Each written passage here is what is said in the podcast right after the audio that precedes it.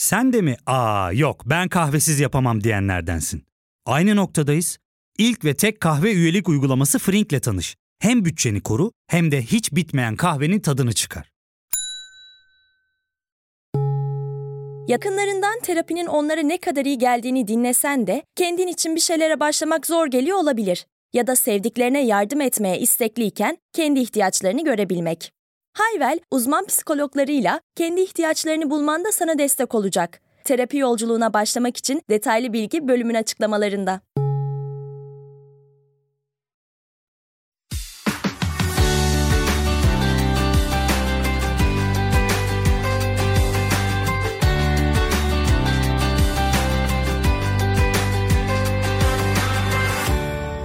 Trend Topi'nin yeni bölümüyle karşınızdayız. Şimdi bu bölümü hazırlarken e, bayrama girmek üzereyiz. Bayramın neresindeyse arefesindeyiz. Ama Türkiye'de gündem çok yoğun. Sanki önümüzde bir bayram yokmuşçasına yoğun. İşte bir yandan meclisten hızlıca geçen yeni sosyal medya yasası. Herkes şaşkınlık içerisinde nasıl geçti böyle bir yasa ve bundan sonra ne olacak? Hem vatandaşlar hem gazeteciler bu konuda kafa yoruyorlar. Bu yasayı anlamaya çalışıyorlar.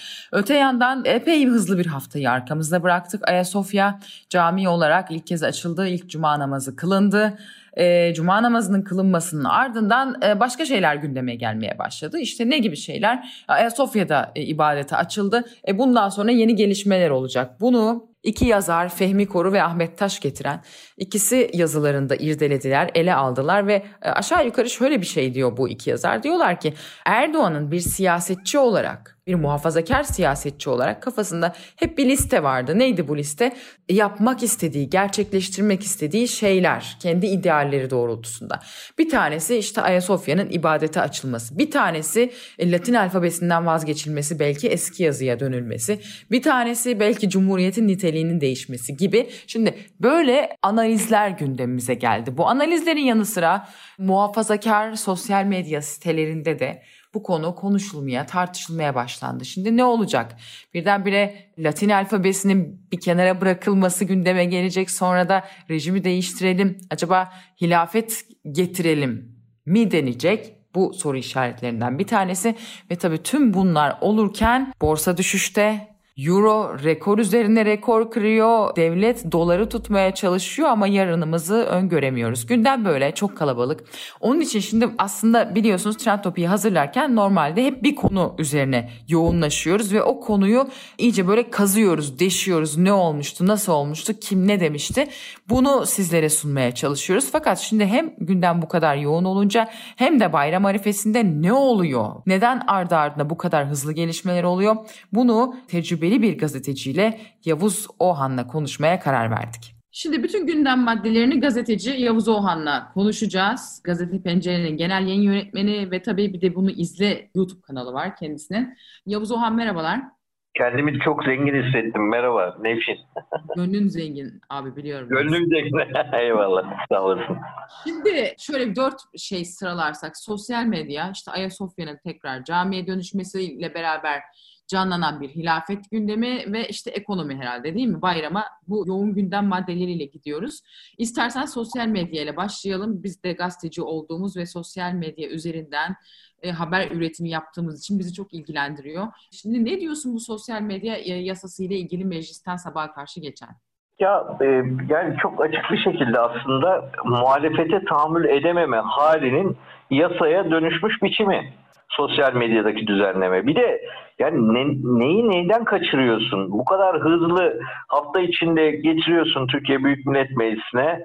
Hemen hızla komisyondan geçiriyorsun. Sabahlara kadar çalışarak muhalefetin hiçbir uyarısını bir virgül değiştirecek biçimde yerinde görmüyorsun. Hemen sonrasında yasal süreyi doldurup genel kurula indiriyorsun. Yine sabaha kadar çalışıp sabah 7'de sanıyorum bitti. Yasayı getirdiğim biçimiyle hiçbir değişiklik yapmadan geçiriyorsun ve Türkiye'de yeni bir düzenleme olarak bundan sonra yürürlükte olacak. Ya buradaki o aceleyi anlamakta güçlük çekiyorum. Ne olur yani 3 gün konuşulsa, 4 gün birileri bir şey söylese, bu işlerle ilgilenen Yaman Akdeniz kendi fikrini aktarsa, Kerem Altıparmak bir şey söylese, bu işin mağdurları konuşsa, senin gibi insanlar hem mağdur olup hem karşı tarafın cezalandırılmaması üzerine ne düşündüklerini söyleseler, nasıl düzenleme talep ettiğini aktarsalar bunların hiçbirisi yapılmayınca burada bir planlama olduğunu anlıyorsun. Bu planlama ne olabilir? Muhalefetin sesinin burada da kısıtlanması. Şimdi Rütü'nün nasıl çalıştığını biliyoruz üç aşağı beş yukarı. Basın ilan kurumu nasıl çalıştığını biliyoruz. Burada farklı bir görüşü, sesi, muhalif bir düşünceyi dile getirenlere nasıl muamele edildiğini biliyoruz. İki zeminde de insanların sesini duyurabildikleri, yeni seçmenine ulaşmaya çalışan partilerin seçmenlerine kendi mesajlarını iletebildikleri bir mecra, sosyal medya. E o burası olmasın, buraya da tahammül edemiyoruz. Burayı da kapatalım gibi bir yaklaşımın sonucu olarak görüyorum burada.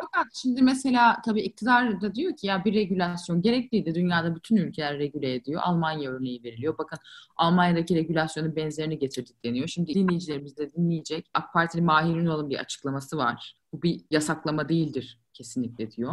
Bu düzenleme sosyal medyayı kapatmak ya da sosyal medyada bir yasak getirmek amacı asla e, içermiyor. Tam tersine bu alanda bir düzenleme ve 55 milyon vatandaşımız e, sosyal ağlarda kullanıcı durumunda. E, dolayısıyla e, sosyal ağlarda kullanıcı durumunda olan vatandaşlarımızın temel hak ve özgürlüklerinin korunması, özel hayatın gizliliğinin sağlanması, kişisel verilerinin e, güvence e, altına alınması ve burada var olan e, dezenformasyonun önüne geçilmesini amaçlayan bir düzenleme. Daha da önemlisi bu sosyal ağ sağlayıcılarla bir hukuki ve mali muhataplık oluşturmak. Mevcutta yok. Mevcutta yok. E, dolayısıyla bu düzenlemenin amacı tam da e, kullanıcı durumunda olan vatandaşlarımızın haklarını korumak amacıyla yapılmış bir düzenleme. Yani iktidarda böyle bir regüle etmeyelim mi kardeşim diyor bunu sonuçta. Yani onun iktidarında böyle bir tezi var. Etsin bence. Etmeli. Ama burada öyle kurallar konulmalı ki bu düşünceyi ifade özgürlüğünün önünde bir engel teşkil etmemeli. Türkiye'nin maalesef hukukta sicili çok parlak değil. Geçmişte uygulamaları var. Şu an Osman Kavala bin gündür cezaevinde ve hakkında iddianame yok. Adam beraat ediyor. Başka bir soruşturma yine cezaevinde. O bitiyor. Başka bir soruşturma yine cezaevinde. Avrupa İnsan Hakları Mahkemesi'nin kararları arkadan dolanarak cezaevinde tutulmaya devam ediliyor. Şimdi hukukta, adalette, adliyede bu kadar soru işareti varken bugüne kadar sosyal medyada yapılan paylaşımlara karşı yaklaşım ortadayken nereden ses verdiğinize bağlı olarak yargının size muamele ettiği ortadayken şimdi böyle bir düzenleme üzerine bunun uygulamasının nasıl olacağını tahmin etmek mümkün. Yani Türkiye'de bir olayı tek başına değerlendiremiyorsunuz maalesef. Yoksa tabii ki sosyal medyaya bir düzenleme gerekiyor. Herkes istediği gibi at koşturacağı bir alan olmamalı. Bir zarar ortaya çıkıyorsa o zararın bir yaptırımı mutlaka olmalı. Ama zaten şu anda o yaptırım var. Yani herhangi bir insan iktidara yakın herhangi bir insana karşı iktidarın en çok kullandığı argüman bu. İşte küfür, kıyamet, hakaret böyle devam ediyor diye. Et bakayım karşılığını nasıl alıyorsun? Devriyeler geziyor, siber devriyeler emniyette. Bunların hepsi burada kontrollerini yapıyorlar ve orada da maalesef düşünceye göre farklı muamele yapılıyor. E burada bir eksiklik yok aslında. Kişiye göre muamele var. O kişiye göre muamele olmasa elbette bilmiyorum yani bu hesapların anonim olması, anonim hesapların istediği gibi davranması, oraya ulaşılıp ulaşılamaması, bir takım hakları zedeleyen paylaşımların kaldırılması için şirketlerle temas kurulması bunları herkes kabul eder. Burada yapılmak istenen o olsa keşke. O olsaydı herkes de desteklerdi. Ama o olsaydı bu kadar hızlı geçirmek istemezdi iktidar. Bu kadar hızlı hareket etmezdi. Muhalefetin üç cümle eleştirisine tahammül eder, dinler. Belki onlara hak verirdi. Bu olaydaki uzmanları dinlerdi. Şu ana kadar 40 bin yanılmıyorsam Twitter'da hesabın askıya alınması için talebi var Türkiye'nin. 100 binin üzerinde YouTube içeriğine erişim engeli söz konusu. Binlerce paylaşıma erişim engeli söz konusu. Tablo böyleyken bir de bu yasa geldiğinde biz ne yapacağız? Farklı farklı kurumlar erişim engelleri getirecekler. Kişiler aynı şekilde ve başvuranın siyasi kimliğine göre tavır alınıp alınmayacağının garantisi var mı? bugüne kadarki sicil o garantinin olmadığını gösteriyor. Zaten itirazın büyük bölümü de buna. Yoksa bir düzen getirilmesine değil. Gelsinler, vergilerini ödesinler, kurallara tabi olsunlar. Bu konuda kimse bir şey söylemez ki. Şimdi sen Twitter aktif olarak kullanan bir gazetecisin. Zaten YouTube kanalın var bir de bunu izle diye. Şimdi bu yeni yasayla ilgili bir avukatlarla görüştün mü mesela? Ne yapacaksınız? Yayın politikasını değiştirecek misiniz bundan sonra mesela? Ya da işte tweet atmayacak mısın bundan sonra? Ben şimdi sen de muhtemelen öyle yapacaksın. Bir değişikliğe gitmeyeceğiz. Daha önce YouTube yayınlarının Rütük denetimine verilmesinden sonra da benzer kaygılar bizim gibi platformlarda yaşanmıştı. Biz aynı şekilde yayın yapmaya devam ettik. Çünkü yaptığımız yayının amacı açıktan muhalefet etmek için yayın yapmak değil gazetecilik yapmaya çalışıyoruz. Twitter'da da haberlerimizi ve faaliyetlerimizi paylaşıyoruz. Bunların kötü bir şey olmadığına, suç olmadığına, etik dışı olmadığına inanıyoruz. Aynı şekilde de devam edeceğiz. Avukatlarla konuştum. Rütük sonrası da konuşmuştum. Rütüklere konuşmuştum. Rütük'ün bu bütün YouTube'u kontrol etme şansı zaten o gün de belliydi olmadı. Bugün de ortada. E, yarın Twitter'la ilgili ne olacak? Ben paylaşımlarda bir değişiklik yapmayacağım da Twitter burada paylaşım yaptırabilecek mi? Yani o imkana sahip olabilecek mi? Onu anlıyoruz. Twitter sanıyorum Türkiye'nin talepleriyle ilgili olumlu yanıt vermeyen tek sosyal medya kuruluşu gibi. Diğerleri sanki onay vermiş gibi görünüyor. Yani onlar nasıl davranacak? Bize bu imkanı verecek mi? Biz onu göreceğiz. Yoksa bizim davranışımızda, tarzımızda, programlarımızda, yaklaşımımızda bir değişiklik olmayacak. Olmayacak. Bakalım ne olacak? Uygulamada göreceğiz. Uygulamada göreceğiz. Yani durabilecekler mi burada? Hükümet işte temsilcilik açmazsan işte şu kadar zaman sonra bant aralığını 10'a çekerim, 5'e çekerim, 3'e çekerim diyor. Yani çalışmasını imkansız hale getiririm diyor. Bu gerçekleşebilecek mi? Gerçekleştiğinde nasıl bir tablo çıkacak ortaya? Yani bu kadar dünyayla entegre bir ülkede böyle bir Çin vari uygulama nasıl hayata geçecek? bunları göreceğiz yani bunlar çok kolay işler de olmayacak gibi geliyor bana. Öyle kolay kolay bütün sosyal medya platformlarını kaldırmak çok kolay bir şeymiş gibi de gelmiyor. Gerçekten ben attıkları taşın ürküttükleri kurbağaya değmeyeceğini düşünenlerdenim. Yani bir sonuç almakta güçlük çekeceklerini düşünüyorum. Sonuçta Türkiye'de 54 milyon sosyal medya kullanıcısı var. Ya bunların tepkileri ne olacak? Nasıl olacak? Bu iş nasıl yürüyecek? Yazbe mi yapacağız mesela? Hepimiz yazbe üzerinden mi e, şey paylaşacağız? Yerli bir sosyal yazbe medya platformu. Atalım. Onu bir iki sene oluyor galiba değil mi? o bir arama motoru olarak kurulmuştu biliyorsun. Evet sonra Twitter gibi bir şey dönüştürüldü galiba. Bir ara böyle çalışılıyor. Heh, yani. Bakanlar falan oradan yazıyorlardı. Onu böyle promote etmeye evet. çalışıyorlardı ama evet, evet. galiba.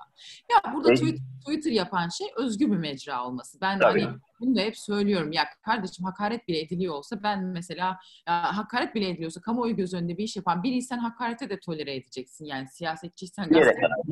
Evet. Yani insanların da bu özgürlüğü de var. Çok öfkelendirdin insanları. İnsanlar da bunu şey yapıyor yani yazıyor, söylüyor falan. Bu dünyanın bütün özgür ülkelerinde de böyle aşağı yukarı aslında bakacak olursanız. Evet. Aslında Twitter Twitter yapan da bu yani yoksa Şimdi Twitter'ı takvim gazetesine dönüştürürsen de Twitter'ı kullanan insanlar da kullanmamaya başlar yani aslında. Nasıl kimse yaz beyi kullanmıyorsa. Tabii. Yani bunu daha önce deneyen ülkeler yok mu? Var. Çin'de mesela kullanabiliyor musun? Kullanamıyorsun. Kendi yerli şeyleri var. Onu empoze ediyor, onu kullan diye. Ama aynı etkiyi yaratamıyor. Yani sonuçta o baskı sonuç vermiyor. Tabii bir de Çin en başından beri böyle falan. Bir Tabii. de bunlar maliyetli yani işte o VPN'lerin peşine düşeceksin bilmem ne. Herkese böyle casus gibi peşine düşmen gerekiyor insanların. İşte VPN kullandı mı, Twitter'a girdi mi bilmem ne yaptı. Mümkün mü öyle bir şey ya? Ben yer gerçekten onun için diyorum o atılan taş ürkütülen kurbağaya değmeyecek diye. Tek tek onun peşine düşecek, birileri bir açıklar bulacak, başka şeyler olacak. Bütün o algı hükümetle ilgili iyice perçinlenecek. Zaten ortada böyle bir algı. Yani inanılmaz gerçekten son dönemde iktidarın attığı adımlara bakarak biliyorsun ben Ankara'da çok uzun zaman gazetecilik yaptım. Bunun bir rasyonelitesini bulamıyorum. Ya bugünden yarına seçim yapacaksan seçimde Twitter'da etkili olmasın, benim de oylarım düşüyor zaten, insanlar da birbiriyle haberleşmesin diyeceksen bu bir tercih. Ama yarın seçim yok diyorsun. Yarın seçim yapacaksan Ayasofya'yı açarsın, oradan bir ne bileyim milli, maneviyatçı duyguyu kabartırsın. Hemen peşinden insanları sandığa gönderirsin falan. Böyle bir şey var mı? Bu da yok. E konuşturmak için yapıyor iktidar bunu. E konuşuyorsun sonra bitiyor yine cebinde para yok. Bu şartlar altında yani yapılan işin rasyonelitesini anlamakta gerçekten güçlük çekiyorum. Yıllardır siyaseti takip ediyoruz. Sen de ediyorsun, ben de ediyorum. Ama bir rasyonellik olur yapılan bir işin arkasında. Ben o rasyonelliği bulmakta güçlük çekiyorum doğrusu. Ya fark ettin mi? Biz en çok kahveye para harcıyoruz. Yok abi, bundan sonra günde bir. Aa, sen Frink kullanmıyor musun? Nasıl yani? Yani kahvenden kısmına gerek yok. Frink'e üye olursan aylık sadece 1200 TL'ye istediğin çeşit kahveyi istediğin kadar içebilirsin. Günlük 40 TL'ye sınırsız kahve mi yani? Çok iyiymiş. Aynen. Hatta şu anda 200 TL'lik bir indirim kodu da var. E hadi hemen indirip üye ol da bu fırsatı kaçırma. Terapiye başlamak, içinden çıkamadığın döngüleri kırmak, bazı yanlış bulduğun kararlarını değiştirmek ve kendinle beraber daha huzurlu bir yaşam inşa etmek için atabileceğin en değerli adımlardan biri. Hayvel ile yoğun yaşam tempona uyum sağlayarak online terapi seanslarını takvimine göre ayarlayabilirsin. Bini aşkın uzmandan sana en uygun terapisti seçebilir, PodB10 koduyla indirimden yararlanabilirsin. Detaylı bilgi açıklamalardaki bağlantıda. Şimdi geçelim diğer bir adıma. Hani ne kadar rasyonel, ne kadar değil bu konuşuldu, tartışıldı. Ayasofya'nın tekrar cami olarak ibadete açılması.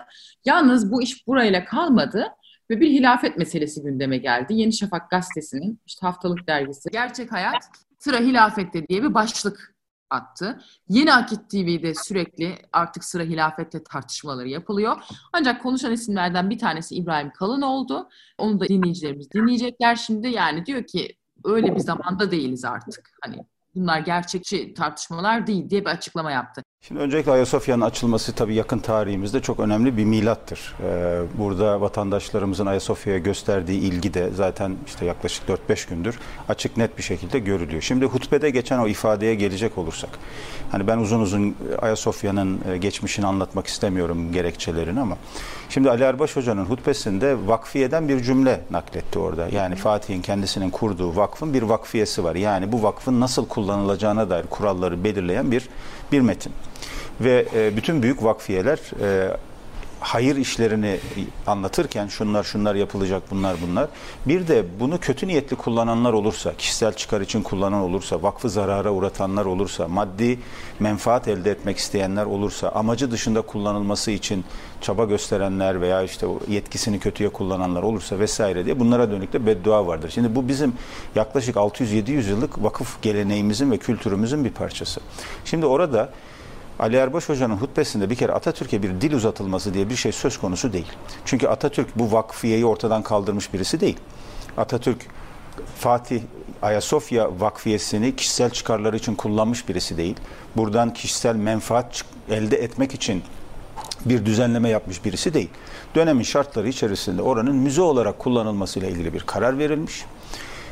Bakın Ayasofya Camii'nin asli e, amaçları çerçevesinde tekrar camiye dönüştürülmesiyle ilgili araya bir süre girmiş. Ama buradan Atatürk'e bir lanet okundu, Atatürk'e dil uzatıldı sonucunu çıkartmak çok iyi niyetli bir değerlendirme olmaz. Çünkü e, dediğim gibi vakfiyenin ortaya koyduğu ilke çok belli. Kişisel amaç menfaat elde etmek, amaçları dışında bu vakfı ticari amaçla ve Atatürk bunların hiçbirisini yapmış birisi değil. Yani 23'te Cumhuriyet kuruluyor, 34'te müzeye çevriliyor. 11 yıl boyunca da biliyorsunuz Ayasofya Cami olarak Cumhuriyet döneminde de hizmet vermeye devam ediyor. Müzeye çevrildikten sonra da Ayasofya korunmaya devam etmiş. Bir müze olarak korunmuş. Yani oranın içindeki tarihi eserler, dini eserler, semboller hepsi korunmaya da devam etmiş.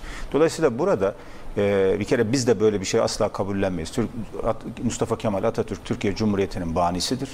Milli mücadelenin kahramanlarındandır ve silah arkadaşlarıyla birlikte bu cumhuriyeti bize emanet etmiş tarihi bir şahsiyettir. Yani ona yani bırakın Ayasofya gibi bir yerde bir cuma hutbesinde herhangi bir yerde lanet okunmasını biz doğru bir yaklaşım olarak asla kabullenmeyiz. Ne Cumhurbaşkanımızın ne diğer arkadaşlarımızın hiçbir zaman böyle bir tavrı söz konusu olmamıştır. Hele bura üzerinden bir rejim tartışması başlatmak. İşte buradan o hilafet meselesine hı hı. geçmek istiyorum. Çok ters gibi görünüyor ama hani bunu dile getiren CHP'li arkadaşlarla hilafet meselesini şimdi gündeme getiren çevreler birbiriyle siyasi olarak çok zıt noktalarda dursalar da bunun bir rejim tartışmasına dönüşüyor olması bir kere suni bir gündemdir. Türkiye'nin böyle bir gündemi yok.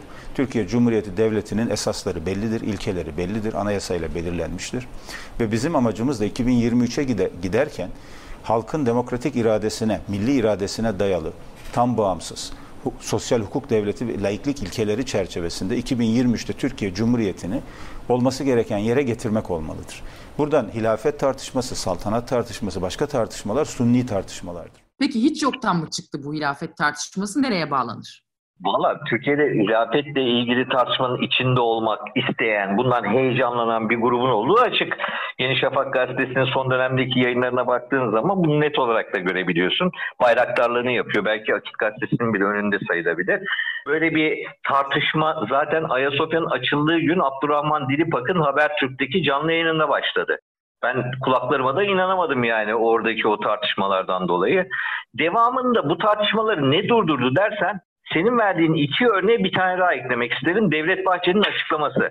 Ali Erbaş tartışılıyor. Ayasofya'da elinde kılıçla Atatürk'e lanet okudu tartışmalarıyla ilgili yazılı açıklamasında Evet Ali Erbaş'a sahip çıktı. Atatürk'e de sahip çıktı aynı zamanda. AK Parti'den farklı bir yaklaşım içerisinde. Sanıyorum Ömer Çelik'ten sonra yaptığı açıklamayı ama öncesinde ben bunun bir trafik yarattığını düşünüyorum Milliyetçi Hareket Partisi ile AK Parti arasında. Ve eş zamanlı olarak bu açıklaması Devlet Bahçeli'nin hilafet tartışmalarıyla ilgili AK Parti'nin de benzer bir tavır almasını beraberinde getirdi. Yani bence bu hilafet tartışmaları yürüse AK Parti buna tek başına olsa müdahale eder miydi? Çok emin değilim. Ama Milliyetçi Hareket... Belki önünü de açar mıydı bir nebze acaba? AK Parti mi açar mı diye sordun. Evet MHP olmasa eğer MHP ile bir şey içerisinde olmasa. MHP olmasa bu tepkiyi bu şekilde göstereceği konusunda şüphelerim var AK Parti'nin ama Bahçeli hilafetle ilgili öyle sözler söyledi ki artık bunun üzerine Cumhur İttifakı da devam ediyor. Bunun üzerine AK Parti'nin söyleyeceği başka bir şey yok. Fark ettiysen eğer Özellikle Ali Erbaş tartışmasında Milliyetçi Hareket Partisi'nin duruşu Atatürk'le ilgili yaklaşımda çok farklıydı. Öyle bir açıklama gelmedi o saate kadar AK Parti'den, MHP'den o açıklama gelinceye kadar. Yani burada ben özellikle iktidarın, iktidar sözcülerinin açıklamalarının Milliyetçi Hareket Partisi'nin aldığı tavır nedeniyle bu noktada olduğunu düşünüyorum. Hem İbrahim Kalın hem Ömer Çelik'in yaptığı açıklamalar. Yoksa hilafet tartışması Bilmiyorum yapılmak istenen şey ne? Sürekli işte bayrağı indirmeyeceğiz, camilerdeki ezanı susturmayacağız, işte bu ülkede İslam yaşatacağız, bu kadar cami açacağız, her gün cami, her gün ezan, her gün bayrak nutku atıyorsan eğer herhalde hilafetle ilgili tartışmaları da bir yere kadar takip eder, izlerdin. Ne yarattığına bakardın. Ama orada en keskin tavrı Devlet Bahçeli aldı ve ben o tavrın e, gidişatı etkilediğini düşünenlerdenim.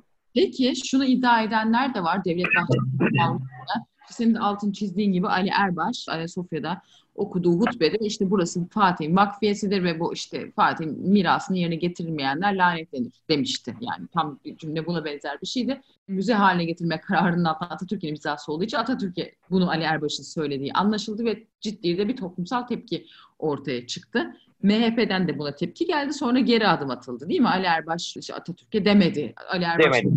Evet. falan hükümetten de işte Ali Erbaş kastetmedi Atatürk'ü dendi. Fakat şimdi şöyle yorum yapanlar da var. İşte senin gibi Ankara siyaseti analizi yapan gazetecilerden kimleri diyorlar ki bu iş Ali Erbaş'ın bir şekilde ya bir istifasıyla ya bir şekilde hani nazik bir şekilde görevden alınmasıyla sonuçlanır diyenler var. Ne diyorsun? Ben aynı yorumu dün ya da önceki günkü gazetede öğlen yaptığımız toplantıda arkadaşlarımla paylaştım. Yani bu meselenin bu şekilde devam etmesini pek mümkün görmedim Devlet Bahçeli'nin açıklamasından sonra. Ama onun için uygun zaman beklenir. Çünkü AK Parti'nin bu tip konulardaki yaklaşımını da biliyoruz. Şurada gedik açtırmak olarak bakılıyor bu tip istifalara. Ama Ali Erbaş'ın bu kadar siyasileştikten sonra, bu kadar eleştirinin muhatabı olduktan sonra savunulamaz noktaya geldik verdikten sonra ki ben onları çok ciddi bir savunma olarak da görmüyorum. Topa da Cumhurbaşkanı girmediği için bir yerde e, belki emeklilik planı yapıyor diye de düşünüyorum. Yani bu sıralarda özellikle. Ama geri adım da atmıyor. Mesela bugün e, İslam ülkelerine gönderdiği mektupta da ifadeler çok benzer nitelikte. Yani orada Atatürk'e demedim, şunu yapmadım, bunu yapmadım. Atatürk ancak e, dua ile anılabilir dedikten sonra o duayı etmiyor ama mektup yazarken benzer nitelikte cümleleri yine kullanıyor. Şey, şey diyor, onda altını çizelim. Fetret. Fetreti diyor, fetret. Evet. Onu belki biraz açmak lazım. E, ne demek istemiş olabilir sence işte fetret? Valla fetret bir ara. Yani 84 yıllık bir otoritesiz bir dönem gibi veya bir yönetilemeyen bir dönem gibi biz onu bitirdik diyor. 86 yıllık bir ara dönemden bahsediyor. E, Türkiye Cumhuriyeti'nde o 86 yılı ara dönem olarak görmeyen çok insan var. Yani Ayasofya'nın açılışına bir tane İslam ülkesinin lideri davet edilemedi ya. Bugün İslam ülkeleriyle Türkiye'nin durumunu herhalde dış politikayı takip edenler çok iyi biliyorlardır. Kalkıp da oraya bu bir fetret dönemiydi. İşte artık İslam e, ülkeleri için psikolojik baraj aşıldı falan demek ne demek? Yani bütün bu semboller üzerinden yapılan siyasetin en önemli parçası haline geldi Diyanet İşleri Başkanı. AK Parti'nin Diyanet'teki başkanı gibi yaklaşıyor bütün olaylara. Onun iç politikada uyguladığı sistemi, kullandığı argümanları kullanarak yaklaşıyor ve bu çok ciddi tepki görür. Ben de çok uzun dayanamayacağını düşünenlerdenim. Ama tabii bu çok önemli bir gösterge de olur. Yani Diyanet İşleri Başkanı eğer görevinden ayrılırsa iktidar açısından bakıldığında yani kolay verilebilecek bir karar değil. Bir yenilgi olarak da düşünülebilir. Onun için onu kolay vermez Erdoğan. Ama dayanabileceğini de düşünmüyorum doğrusu. Belki bu en son işte İslam ülkesi liderlerine yolladığı mektupta işte fetreti sona erdi Ayasofya'nın demişti ya Ali Erbaş. Orada şununla da bir paralellik kurulabilir mi? 2015 yılında hatırlarsan AKP'nin Balıkesir milletvekili Tülay Babuşçu 600 evet. İmparatorluğun 90 yıllık reklam arası sona erdi. Evet. gibi şey paylaşmıştı sosyal medyada işte reklam arası. Yani aslında ona benziyor. Yani demek ki bu söylem bir şekilde iktidar cenahında aslında var diye görüyoruz muhafazakar kesimde var. Türkiye'de Cumhuriyet kurulduktan sonra ortaya konulan ilkelerle barışık olmayan bir grup olduğu zaten biliniyor. Onların sözcüsü konumuna gelen siyasetçiler AK Parti içerisinde oldu ama bunlar Türkiye'de kabul görmedi. 15 Temmuz gecesinde Türkiye'de darbe girişimi olduktan sonra AK Parti'nin genel merkezi dahil il ve ilçe merkezlerinde Atatürk posterleri asıldı. Bugün Ayasofya'yı açtığında Atatürk'le ilgili iki cümle edemiyorsun. Üstüne üstlük buna lanet göndermesi yapıyorsun. Ama 15 Temmuz'da insanlar başı sıkışınca yine sığındıkları yer Atatürk oldu. Yani Türkiye'de bu işleri bu şekilde harekete geçirmek zaman zaman bu açıklamalar yapılıyor ama o kadar kolay değil. Genlerine işlemiş bir tarih bilinci de var, bir kurtuluş dönemi bilinci de var. Türkiye'de insanların ve bunu test ediliyor sonra tekrar püskürtülüyor. Ben testlerden birisi olarak bakıyorum Ali Erbaş'ın bu yaklaşımına. İşte senin söylediğin o milletvekilinin söylediği gibi evet böyle bir durum var. Ama bir tarihi bilgisizlik de var. Nevşin bunu da kabul edelim lütfen. Şimdi Cumhurbaşkanı MIT'in açılışında bugün Murat Yetkin yazısı çok çarpıcı değil miydi Allah aşkına? Abdülhamit'in istihbarat teşkilatı, Yıldız Teşkilatı'ndan bahsetti ve övdü Cumhurbaşkanı. MIT'in kendi sitesinde Abdülhamit'in Yıldız teşkilatı yeriliyor.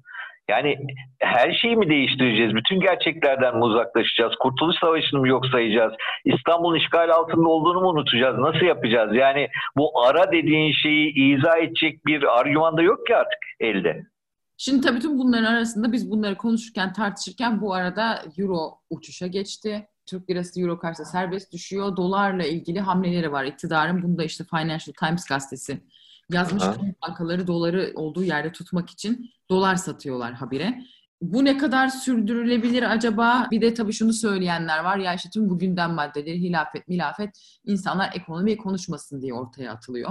Gündem değiştiriliyor diyenler var. Sen de böyle mi düşünüyorsun?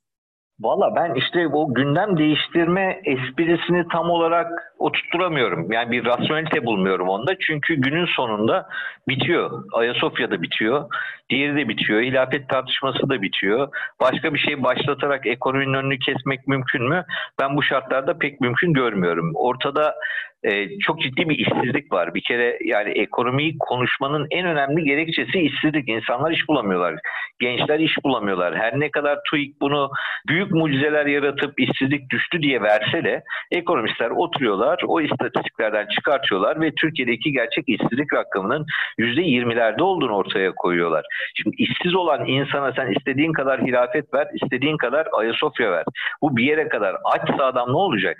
Ya bu gündemden kopmak mümkün değil değil. Ekonomik olarak gelişmelerden aslında ekonomistler bir süredir kaygı duyuyorlar. Yani bu pandemi öncesinden gelen bir durum. Hatırlarsın daha başbakanlık kalkmadan önce Binali Yıldırım felaket tellalları var diye ortaya çıkmış ve ekonomik yorum yapanları tepki göstermişti. Bununla ilgili yasal düzenleme yapılmaya kalkıldı. Ekonomik kötü diyenlerin cezalandırılmasını beraberinde getirebilecek. Ama görünen köy kılavuz istemiyor. Türkiye'nin bir ihtiyacı var. Borçlu bir ülke. E, bunu bütün ekonomistler rakamlarıyla ortaya koyuyorlar. TÜİK ne kadar maharetli olursa olsun fiyatlar artıyor. İnsanlar fakirleşiyor. Yurt dışından gelire ihtiyaç var. Turizm çalışmıyor. Ciddi bir işsizlik var. Bütün bunlar kötüye delalet ve benim konuştuğum uzmanların söylediği, benim de katıldığım en önemli tespit şu. Türkiye'de şu anda ekonominin bir hastalığı var değil mi? Önce bunu kabul edeceğiz. Önce bir hastalığı kabul edeceğiz. Sonra bir doğru teşhis koyacağız. Sonra da bunun tedavisine bakacağız. Türkiye'deki son dönemin en önemli yaklaşımı zaten hastalığı kabul etmemek. İşte Avrupa Birliği'nden bir rapor yayınlanıyor. Türkiye'de insan hakları ile ilgili. O bizim için yok hükmündedir. Birisi bir şey söylüyor. Türkiye'de bir olayı eleştiriyor. O bizim için yok hükmündedir. Yurt dışından sürekli bize diz çöktürtmeye çalışıyorlar. Biz çökmeyeceğiz karşılığında hamaset. Yani kabul etmiyoruz. Kabul etmediğimiz zaman teşhis koyamıyoruz. Teşhis koyamadığımız zaman tedavi olmuyor. Ve maalesef son dönemde ekonomik gelişmeler ve işte bunlar için daha kötümser yaklaşımlar da var biliyorsun. Bunlar kaygı verici durumlar. Çünkü herkesi seni, beni, senin aileni, benim ailemi, çoluğumuzu, çocuğumuzu, kardeşlerimizi, herkesin geleceğini etkileyen hususlar ve maalesef hiçbir şey yapamıyoruz. Bir cümle ettiğinde felaket tellal oluyorsun. Bu da dediğim gibi bu hastalığı kabul etmeme genel alışkanlığından kaynaklanıyor ve etmemeye devam ediyor iktidar. Peki sence bayramdan sonra bizim bir numaralı gündem maddemiz ne olacak? Ne öngörüyorsun? Ne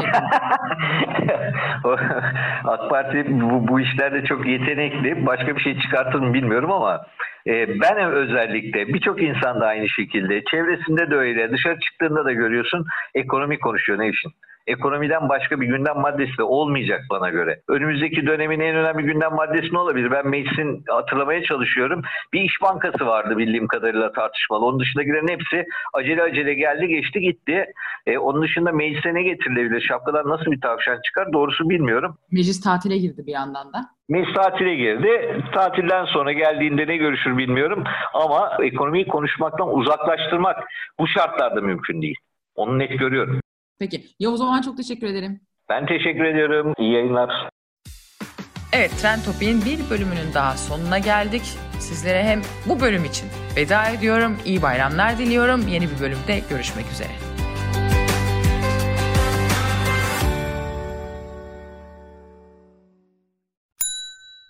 İlk ve tek kahve üyelik uygulaması Frink, 46 ildeki 500'den fazla noktada seni bekliyor.